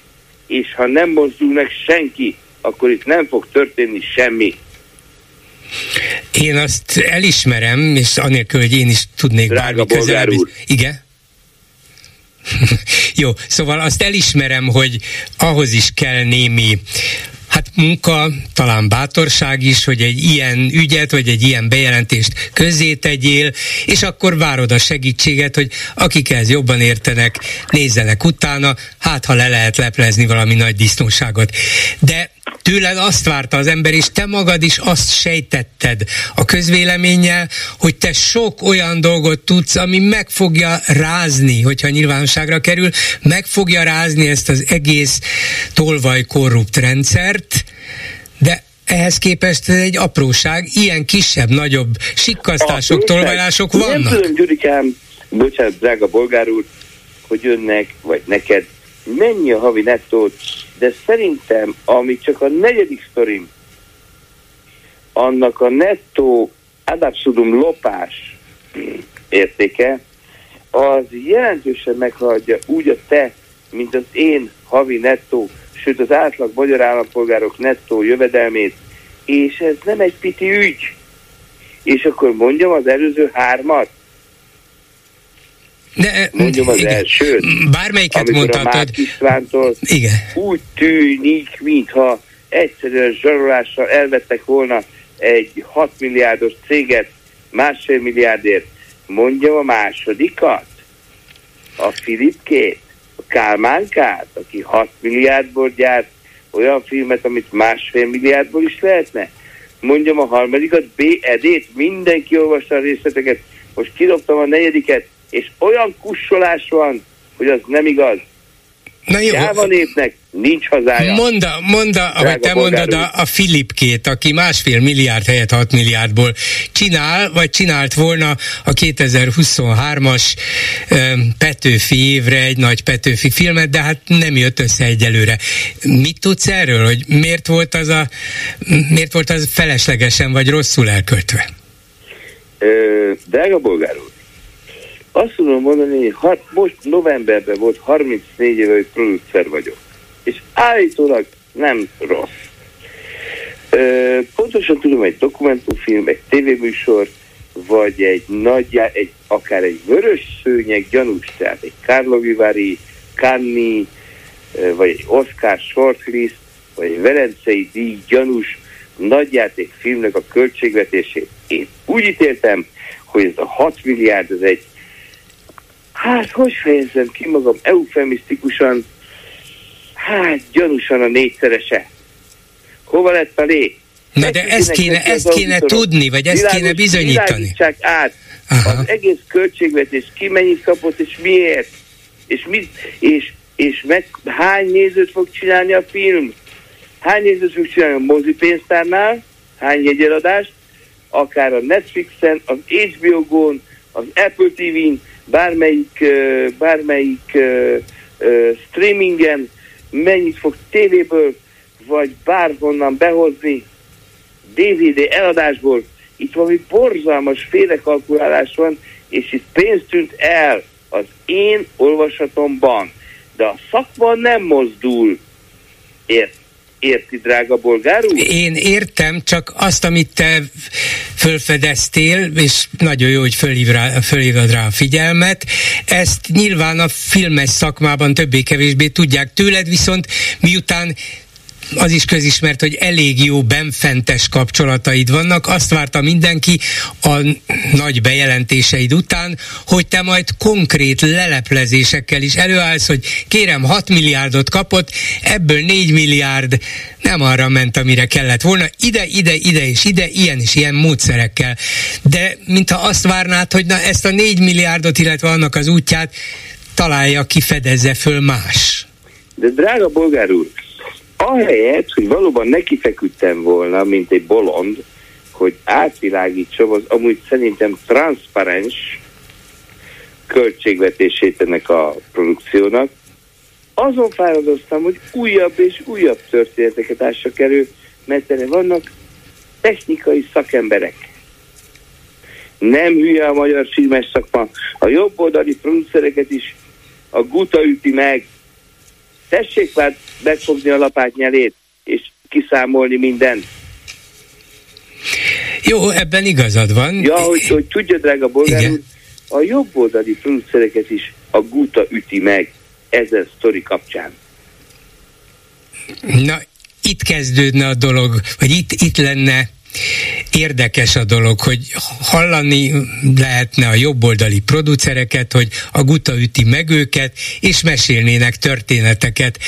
De, de ezt nem, nem hallom. Te nyilván hallod, de azt meg feltetően hát nem adhatod tovább, hogy ők mit mondtak. Igen, igen, igen. Bemegyek a filmgyárba, leülök a büfébe, kérek egy kapucsinót, jön az egyik legnevesebb jobboldali producer, Laci, tök igazad van, nyomjad. Iszom tovább a kapucsinomat, jön a NFI, tehát a fő magyar pénz Filmintézet, osztó, igen. Egyik nagyon magasrangú vezetője. Jaj, de jó, látlak, Laci, és a fülemhez hajol, nehogy valami mikrofon fölvegye. Jaj, Laci, tök igazad van, a fél itt a gúta üti meg. Nyomjad! De senki nem szólal meg. De ez most csak a filmes volt. Hol vannak a mérnökök, a közgazdászok? E, ide figyelj, Laci, én is a füledbe súgom, igaz, hogy ezt most sokan hallják. De az nem elképzelhető, hogy ha már a filmes szakmánál maradunk, amit te nyilván sokkal inkább és sokkal több személyen keresztül ismersz, hogy ezek a valakik, akik a füledbe súgják, esetleg a te kérésedre szereznek is valami bizonyítékot arról, hogy 6 milliárdot kapott, de ebből 100 millió ide ment, 250 oda ment, 346 millió emide ment, az egésznek semmi köze a filmhez, itt vannak a bizonyítékok arra, hogy ezt a pénzt, hát mondjuk nem tisztességesen, vagy nem a célnak megfelelően használták föl. Az, hogy a füledbe súgják, ez hangulatilag jó, csak ér valamit? Mm, drága bolgár úr, két dolgot szeretnék leszögezni. Egyrészt a kérdés felvetésed száz százalékig logikus és koherens, de választ rá nem tudok adni. Miért nem, miért nem állnak te ki? Miért nem nézik át az eredményt, még egyszer nem óhajtom elismerni, hogy új streamingen, mind moziban, mind tévéképernyőn, mind moziba, stb. stb. Milyen sikert fog ez a film produkálni, de nem ezt a szerencsétlen kálmákát akarom én piszkálni. Ez egy példa. Ránézünk egy költségvetésre, és látjuk, hogy ez hát igen, na, és hány nemzetközi Velencében, Karlovy-Váriban, Cannes-ban, ad abszurdum egy Oscar shortlist, talán mit fog ez hozni? Semmit. De a többi sztorim azok, az, azok, azok sokkal húzsovágóbbak. Hát a B. Ede sztoria, ott annyi, annyi konkrétum van, hogy az a 7 milliárd hova lett, és hogy megépült, nem épült, hova lett. És amikor a mákot kifosztják, a Mák István csak meg kéne nézni. Érték arányos-e a szerződés? Vagy fölmerül-e, én nem állítom, a zsarolás gyanúja, de ha senki, se a jogászok, se az oknyomozó újságírók, se a közgazdások, közgazdászok, senki nem segít. Hát ugye nem várjátok tőlem, hogy egyedül tisztítsam meg a magyar konzervativizmust, Azért várták tőled, mert neked közismerten jó kapcsolataid vannak a mostani uralkodó elithez, és azt sejtetted, hogy te nagyon, ha nem is minden, de nagyon sok dolgot tudsz, nagyon sok pusztító erejű leleplezéssel állhatná elő. És Bocsáss akkor... meg, de ez a négy sztori mind pusztító erejű lenne, ha néhány szakember nekiállna, és analitikus pontossággal átszámolná a költségvetéseket, és kiderülne, hogy mi pénzt tűnt el. De ha mindenki lusta, és mindenki tőlem várja a megoldást, akkor lassan abba fogom hagyni. Ne, ne, ne, ezt nem, nem mond. Ja, ezt a balosoknak üzenem igen, elsősorban. Igen, igen. De ezt a nagy leleplezés sorozatot tulajdonképpen nem érzed, hogy csalódást okoztál, hát ha nem is fideszes nem, körökben, nem úgy, hogy, hogy nem, nem sikerült a Mészáros Mondtam, Lőrinc jachtjától kezdve a többiekig. Igen. Éjfél 30 percet toltam ki, vagy hát állítólag valaki a nevemben, hát az a fene se tudja, tudod, érted? A peresíthetőség az egy nagyon fontos szempont. Miért nem fekszenek neki a szakemberek? Négyen, öten, hatan.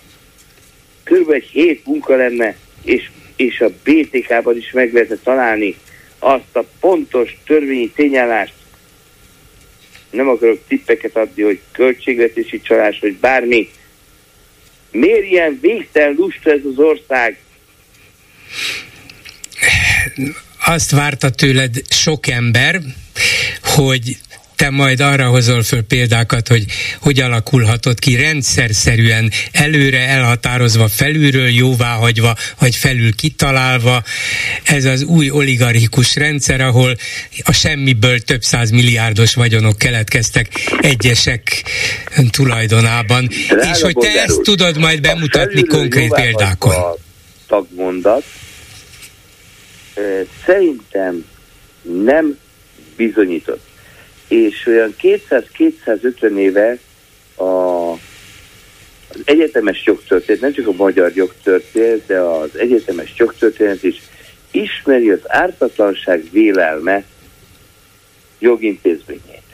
Tessék bebizonyítani, hogy ez fő jóvával hagyva, vagy ez néhány rabló lovagnak a privát tevékenysége.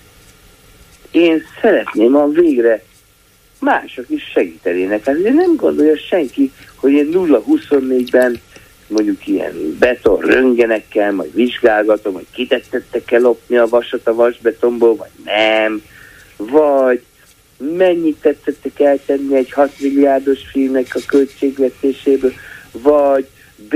Ede valóban 7 milliárdra jogilag milyen technikai módszerekkel lett megrabol, nem, ez nem az én feladatom, én próbáltam följutani az avar, de ez az ország úgy tűnik jobbról és balról, erről nem fog, erre nem fogékony. Most hoztam ki négy napja a, a negyedik sztorit. Olyan kussolás van. Kérdeztetek valahogy, Dága Bogár úr, közölnek a klubrádióban kormányhirdetéseket? Nem, nem közölnek. Ezek szerint önök nem függnek egy központi, nem, hogy is mondjam, nem, nem, nem. propaganda mechanizmustól, ahogy önök szokták hívni. Nem. Akkor miért nem estek neki? És miért nem vizsgálják ki? Ez egy jó meg kérdés. Nekem, Valószínűleg erre... Hát, kedves Laci, hát ennyi meg ennyi millió helyez el nálam a nem tudom kicsoda, reklámot, stb. Nem, e, e, erre valószínűleg nem vagyunk, hát, nem vagyunk felkészülve. De ha nem közölnek, akkor miért nem tetszenek neki esni?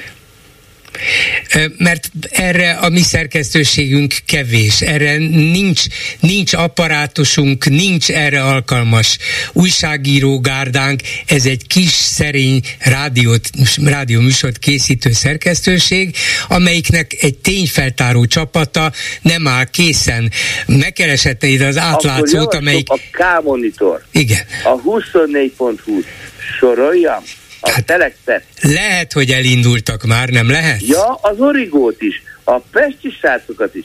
A pesti srácok főszerkesztője nekem nagyon jó barátok, Gut Gergely, és tisztességes, konzervatív embernek ismerem. Őt is megkérném, hogy nézzen utána az általam közölt adatoknak. Na, kíváncsi vagyok, hogy utána néze, de végeredményben csak azt akartam tőled megtudni, hogy volt-e a te birtokodban konkrét tudás, amikor előálltál ezzel, hogy, hogy majd megremegnek a teleleplezéseitől, vagy csak reménykedtél, mert hallottál ezt, azt, hogy majd jönni fognak, és, és akkor majd kiderülnek a piszkos dolgok. Mindenki azt hitte, azt feltételezte, hogy ez a Pesti valamit tud. Aztán kiderült, hogy nem tudsz, csak azt tudod, amit majd a te tudomásodra hoznak? Kérdeztetek, tudom, nem illik visszakérdezni. Nyugodtan. A kiderült, hogy a Pesti semmit nem tud, tagmondatod, drága bolgár úr, az egy implicit kijelentés volt, így a mondat közepébe belerejtve, vagy egy véletlen elszólás? Hmm, őszintén szólva már nem tudom visszahallgatni a fejemben ezt a mondatot. Azt Mert akartam, azt akartam vele mondani, hogy minden... Szereti, hogyha a társadalom partner benne ebben. De a társadalom talán, vagy legalábbis az Orbán rendszerrel szemben kritikus társadalom azt várta tőled, hogy na ez a Pesti végre valamit le fog leplezni, mert tud valamit. Kezében vannak bizonyítékok, aztán kiderült, hogy az van a kezében, amit majd valakik esetleg neki odaadnak, és az sem feltétlenül bizonyíték, hanem azt még alá kell támasztani bizonyos dolgokkal. Nem, drága bolgár úr, én olyan konkrétumokat közöltem, amik, hogy ilyen rendőrségi terminológiát alkalmazzak, amely különben nem az én szóhasználatom, megalapozzák az alapos gyanút és hogyha... rendőrségnek, ügyészségnek, utána közgazdászoknak. De ezek harmadik vonalbeli ügyek. Az, igaz, az igazi Nem. nagy ügyeket hogy fogják alapos gyanúval folytatni? Ö, nagyon jó kérdés. Én azt gondolom, hogy Orbán Viktor legitim magyar miniszterelnök mindenről nem tehet. Piócák tapadtak rá, ő a mai napig a konzekvens, korszerű magyar konzervativizmust képviseli, de valójában vannak a környezetében ezek az általam orkoknak nevezett, hát ö, ti, drága bolgár úr, ti ugye lovagoknak hívjátok őket, ugye? Nem, én nem, nagy, nagyon ellenzem, nem. Eufemizmus. Nem. Én azt gondolom, hogy Orbán Viktor egy, egy, egy, egy, egy korszakos zseni, aki 15-20 évre látja Európa jövőjét, és le kéne vagdosni róla ezeket a rákos daganatokat. Én ezt gondolom, és jó Isten látja lelkemet, komolyan mondom. De ha korszakos zseni, aki 20 évre előre látja Európa jövőjét, miért nem látja, hogy mi folyik körülötte, ha szerinted Mert nem látja? lehet, hogy valakinek megadatik egy stratégiai előrelátás, de a személyzeti politikában nem csillog, nem csillog. Köszönöm szépen Pesti László filmrendező, producernek, szervusz, hát akkor várjuk a további leleplezéseket. Minden jót! Igen, de Igen? Mondjad. minden bizonyos tudod, drága bolgár úr, hogy a, egy Pesti László nevéhez is hasonlító LinkedIn profilon megint egy nagyon konkrét történet hangzik el, vagy olvasható. Mi lenne, ha végre valaki neki feküdte és kinyomozná? Hát? Nekem van 20-30 emberem, mással foglalkozunk. Így is az, a, egyesek szerint az életünket kockáztatjuk, hogy belenyúltuk ebbe a dologba. Mi lenne, ha végre más is megfogná a lapátnyelét? Ez érdekes, de most komolyan az életeteket kockáztatjátok, így érzed, hát félsz? az Értem, értem, értem, jó. Megnyugtattál, hogy nem félsz. Köszönöm szépen még egyszer. Nem, nem félek. Jól van. Ez egy születési hibám. Köszönöm szépen. Én is köszönöm, szervusz, minden jót. Háló, jó estét kívánok! Jó estét, bolgár üdvözlök mindenkit, István vagyok. Egy könnyebb téma ezek után, Igen. az kita. Ez egy átverés volt, két éve indult, amikor ez a népszámlálás beindult, egy kereskedelmi rádióban, aminek már akkor is több legalábbis több mint egy milliós hallgatottsága volt. Ez felmerült a, a kérdések közül, hogy mi ez a skita. És akkor a műsor menetben vitatkoztak róla, hogy kik lehettek ezek, milyen nyelvez, és a legvégén arra jutottak, hogy hát írjuk be azt, hogy mi is skíták vagyunk. Uh-huh.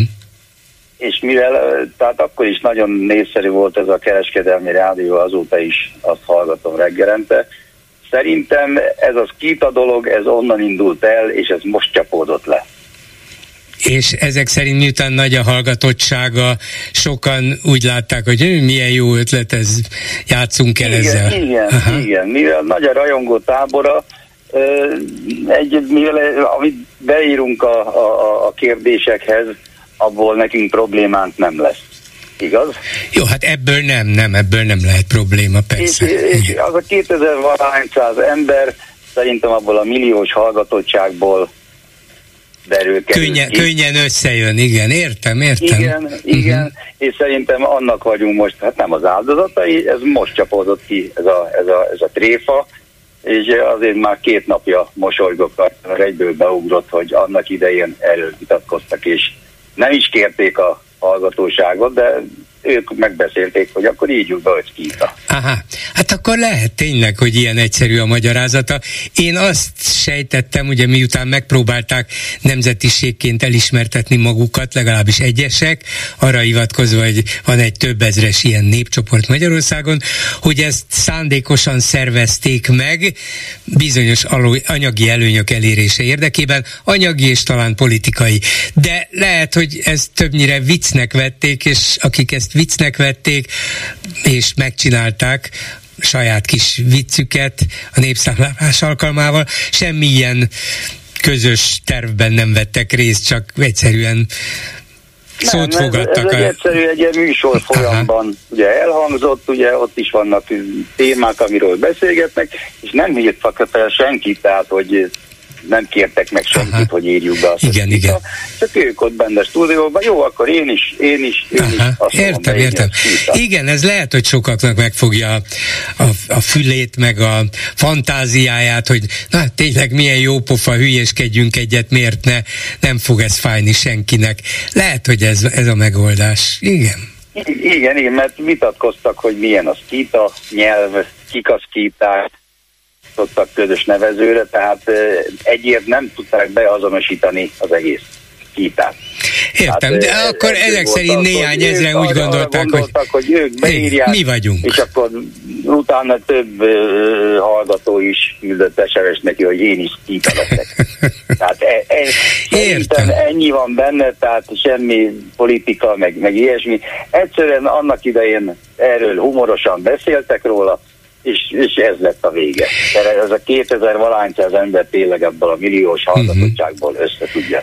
Jó, nagyon jó, hogy ez erre visszaemlékezett és előadta itt nekünk, mert lehet, hogy ilyen pofon egyszerű magyarázata van ennek a dolognak. Igen, igen, igen, aztán tegnap vagy tegnap előtt vezette fel ezt igen. a, a, a dolgot. Én már akkor elkezdtem mosolyogni, és ugye a tegnapi adásban is volt róla szó, ma is ugye a, a, az úriember elmondta, hogy mi ez, ki ez, létezik, nem létezik, és akkor már biztos voltam benne, hogy, hogy ez annak idején egy rádiós vicc. Humoros, rádiós műsorban hangzott el, és aki úgy gondolta, mivel problémája ebből nem lehet, beírta egy skita.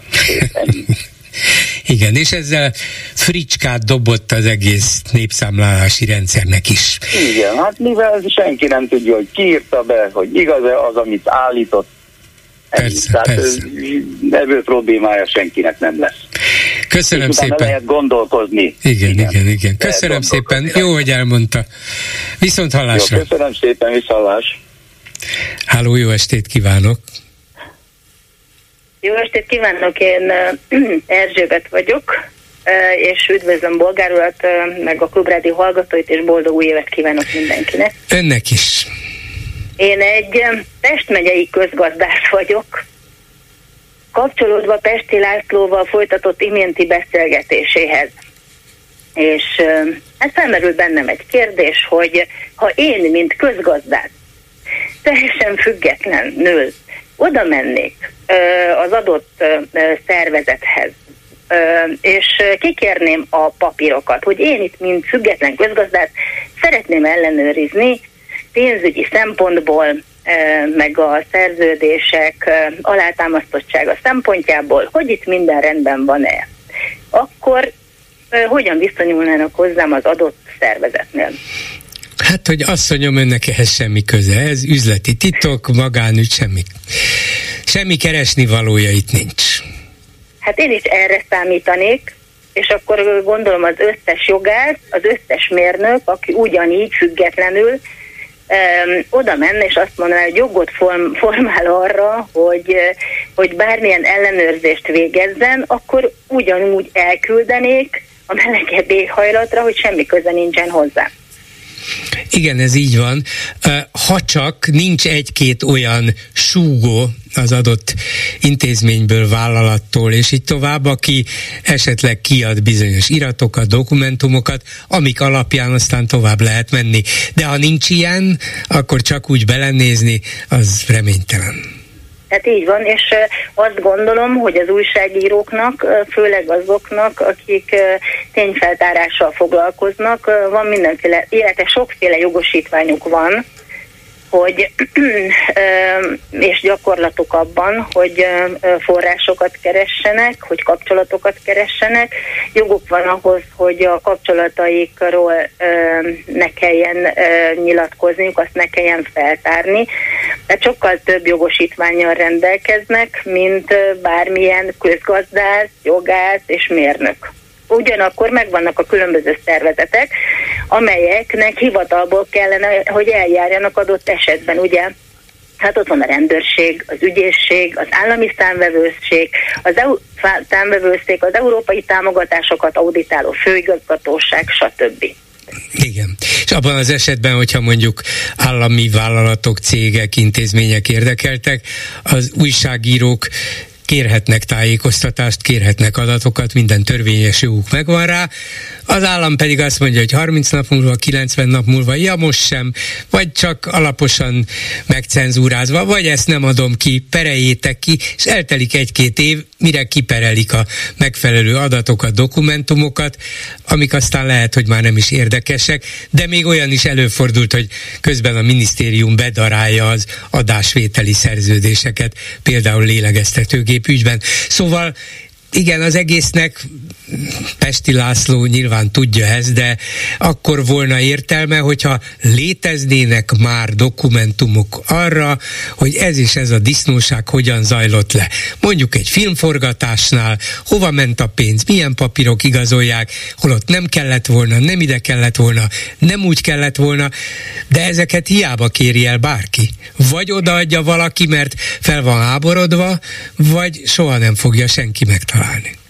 Hát igen, és hogyha egyszer volt mondjuk egy produkciónak másfél milliárdos költségvetése, és a négyszeresét már kifizették, és még mindig nem valósult meg, akkor ott kellene a, ö, keresni ö, az okot, meg a felelőst, aki jóvá hagyta meg, aki, ö, meg, aki egy, egyáltalán felterjesztette a módosításnak a, az igényét, aki ezt megtárgyalta, aki jóvá hagyta, aki döntött a kifizetésről, tehát hogy ez több kézen közön megy keresztül, és hogy, hogy a miniszterelnök nagyon, tehát egy fantasztikus és zseniális, de már többször hallottunk róla, és nagyon sokaknak az a véleménye, elemzők is erről beszélnek, meg szakemberek és hozzáértők, hogy végül is a szálak az ő kezében futnak össze, ő keveri a kártyákat, és az ő jóváhagyása nélkül például 6 milliárd forintot egy produkcióra valószínűleg nem lehet neki fizetni. Hát persze, nyilvánvalóan a K.L. Csaba, aki a Nemzeti Filmiparnak a vezetője, nem merne csak úgy 6 milliárdot odaadni. Ehhez a legfelsőbb politikai vezetés jóváhagyására van szükség. Hogy aztán ebből a 6 milliárdból mit hogyan használnak föl, az egy másik kérdés, ezzel nyilván a miniszterelnök nem foglalkozik, csak az azzal, hogy hát ha 6 milliárd kell, akkor 6 milliárd kell, csak jó legyen elvtársak az a film, ugye? Igen, Aztán nem biztos, hogy jó lesz. Ez, ez visszaköszön, mert hogyha Láncidnak a felújításához is ennyivel kellett volna hozzájárulni az állam részéről, ami, ha jól tudom, még nem történt meg. A felújítás megtörtént, a pénz átadása még igen, a, igen, a felújítás meg így van. Hát igen, igen. Szóval tényleg így megy ez, pontosabban úgy megy ez, hogy nem lehet másképpen földeríteni ezeket, mint úgy, hogy valakik valamit mégiscsak belülről elárulnak, bemutatnak, megszereznek. Kívülről rá lehet csodálkozni, hogy ez így biztos nincs rendben, itt biztos valami disznóság van, nem is egy, hanem sok, de bizonyítani csak belülről dokumentumok alapján lehetne. vagy pedig tényleg a hatóságok részéről, Igen. hogy célzottan például ö, ö, megtervezik, hogy tervezett ellenőrzés keretében ö, ezeket és ezeket a témákat fogjuk feldolgozni, és akkor az ellenőröknek adunk megbízó levelet, stb. kialakítjuk a, az ellenőrzésnek a kereteit, hogy mire fognak kiterjedni, és így tovább, és akkor szépen végrehajtják. Igen, de hát ezt megnézem, hogy a hatóságok hogyan vizsgálják meg, hogy Mészáros Lőrinc hogyan lett ilyen példátlanul rövid idő alatt ennyire gazdag. Nézzük meg, hogy ez mégis hogy működött. Erre valószínűleg nem kap parancsot semmelyik ügyészség vagy rendőrség. Így van. Köszönöm szépen. Én is köszönöm. Viszont hallásra. Minden jót, viszont hallásra. Háló, jó estét kívánok! Jó estét kívánok, Bolgár úr! Parancsoljon! Háti Pálné vagyok, és köszöntöm Önt és a hallgatókat, és magyarul fogok beszélni, nem szkítául. és, Kíváncsi lettem volna a szkítára is. és én nagyon régóta hallgatója vagyok önnek és a Klubrádiónak, még akkor, amikor ön a Kossuth Rádión kezdte el ezt a fajta műsort csinálni és annak a ö, orvosnak a, vagyok az édesanyja, akit a Kessler másodikként rúgott ki a Covid járvány elején az ágyfelszabadítások. Igen, az Országos Rehabilitációs Intézet élére. Igen, igen, igen. És hát én sokszor gondoltam, hogy telefonálok, de aztán megkért a fiam, hogy letegyem.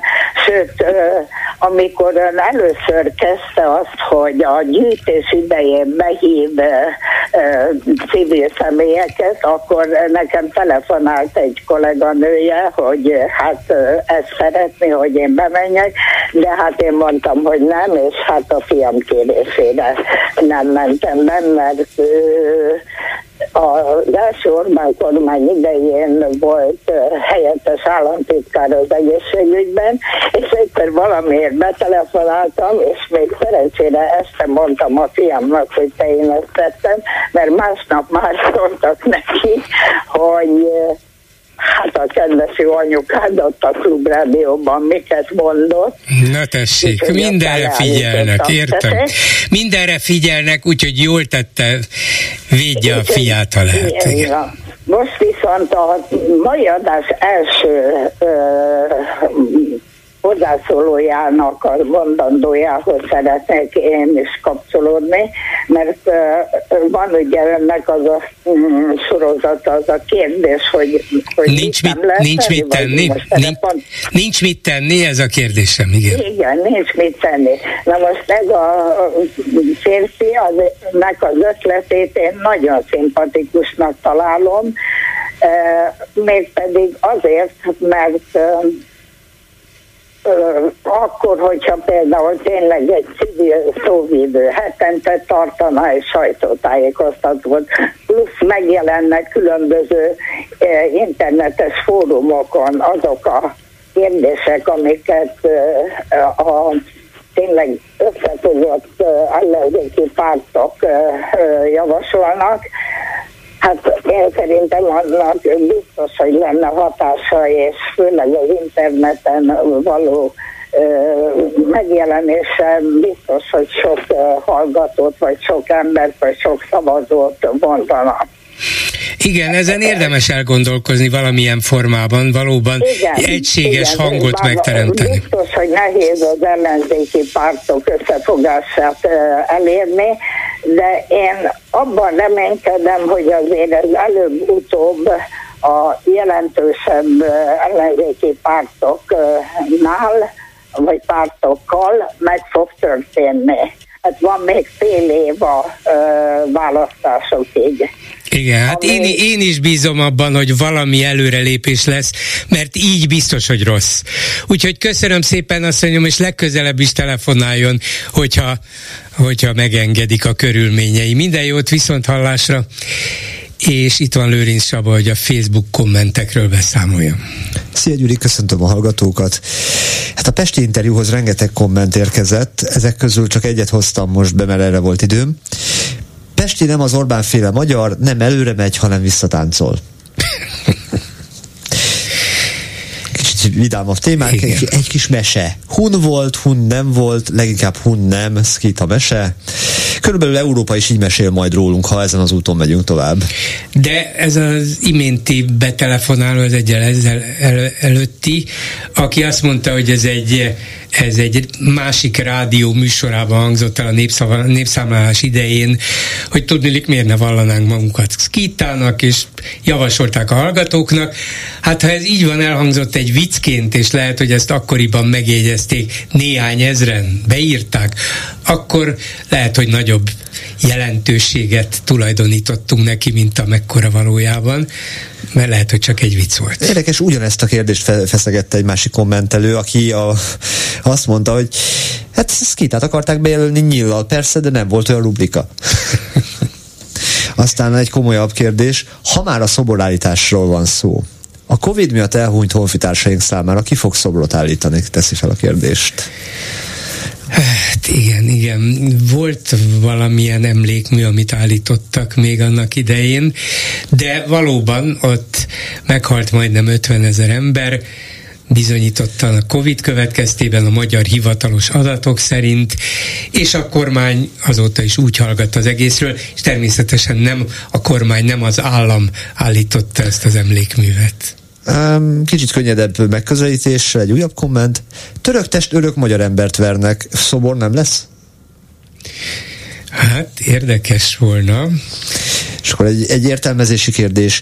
A mai első betelefonálóhoz is már azt várom, hogy ilyen-olyan világmegváltó ötleteket kitaláló hallgatótársaim mikor hívják fel bolgár urat, például a hideg víz feltalálásáról, hiszen az is pofon egyszerű. Csak meleg vizet kell jól lehűteni, és már is kész a hideg víz. Hát maradjunk abban, hogy a víz az egy nagyon fontos dolog, és annak eljuttatása minden lakóházba, minden otthonba, azért az azt van, ahol fel kell találni, az nem magától értetődő dolog maradjunk abban, hogy a politikában is van így, hogy néha a legalapvetőbb dolgokat is újra fel kell találni. Egy kedvenc sorozatomnak a jellegzetes sora jut eszembe. A kutya definíciója nem macska.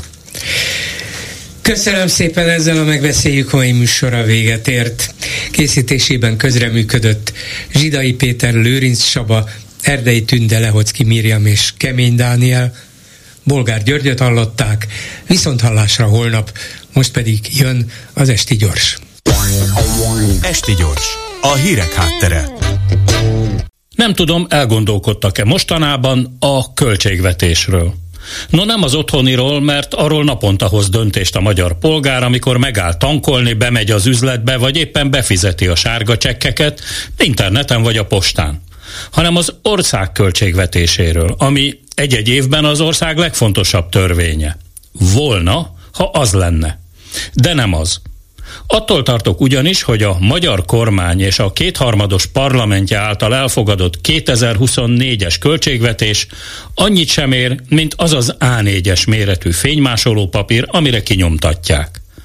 Egyszerűen nem vehető komolyan. Egy papírfecni, amit éppen azok vesznek semmibe, akik írták. Mert itt van ez a Varga Mihály, a pénzügyminiszter az Orbán kormányok legrégebben szolgáló pénzügyminisztere, aki többé-kevésbé legalább a gazdasági életben komolyan vettek. Tegyük hozzá, eddig. Mert a miniszterelnök tavaly évvégén látványosan felmosta vele a padlót, még a gazdasági kabinetből is kirakták a szűrét. Ahogy az az olajozottan működő diktatúrákban lenni szokott, ugyanazért a területért, vagyis a gazdaságért lehetőleg átláthatatlan módon egyszerre hárman vagy négyen, de akár öten is felelnek egyszerre. A zűrzavar és az elkeseredett belharca miniszterelnök irányába tett nyelvcsapásokkal egyre fokozódik. Most éppen Nagy Márton gazdaságfejlesztési miniszter látszik befutónak, ő mantrázza a legjobban, hogy az elhibázott brüsszeli szankciók miatt elszabadult háborús infláció, meg Soros György. de az örök visszatérő Lázár János és Navracsics Tibor is igyekszik jól helyezkedni, sőt Matolcsi György, a jegybank élén álló pénzügyi sámán is megpróbál keményen beleszólni a küzdelembe. Emiatt aztán szinte teljesen mindegy, hogy a pénzügyminiszter milyen mértékű tervezett GDP növekedésről, államháztartási hiányról, költségvetési deficitről vagy inflációról papol, annak semmi köze nem lesz sem a tényekhez, sem a valós adatokhoz mert ha a miniszterelnök úgy dönt, akkor akár a költségvetés felborítása és újabb eladósodás árán is megpróbálják megkaparintani, amire Orbán Viktor szemet vetett. Legyen az a Vodafone vagy a budapesti repülőtér. Vagy bármilyen nemzetközi sportesemény hazai megrendezése, függetlenül attól, hogy az mennyibe kerül nekünk. Az egésszel csak két baj van. Egyrészt az, hogy a sarlatán gazdaságpolitika árát mindig velünk magyar adófizetőkkel fizettetik meg. Másrészt, amikor az Európai Unió csúcs találkozóján szóba kerül, hogy a magyar költségvetés köszönő viszonyban sincs a közös európai célokkal, nos akkor mégsem lehet Orbán Viktort megint kiküldeni a teremből egy egyszemélyes kávészünetre. Az esti gyors mikrofonjánál Hardi Mihály a hírek után azonnal kezdünk. Esti gyors, a hírek háttere.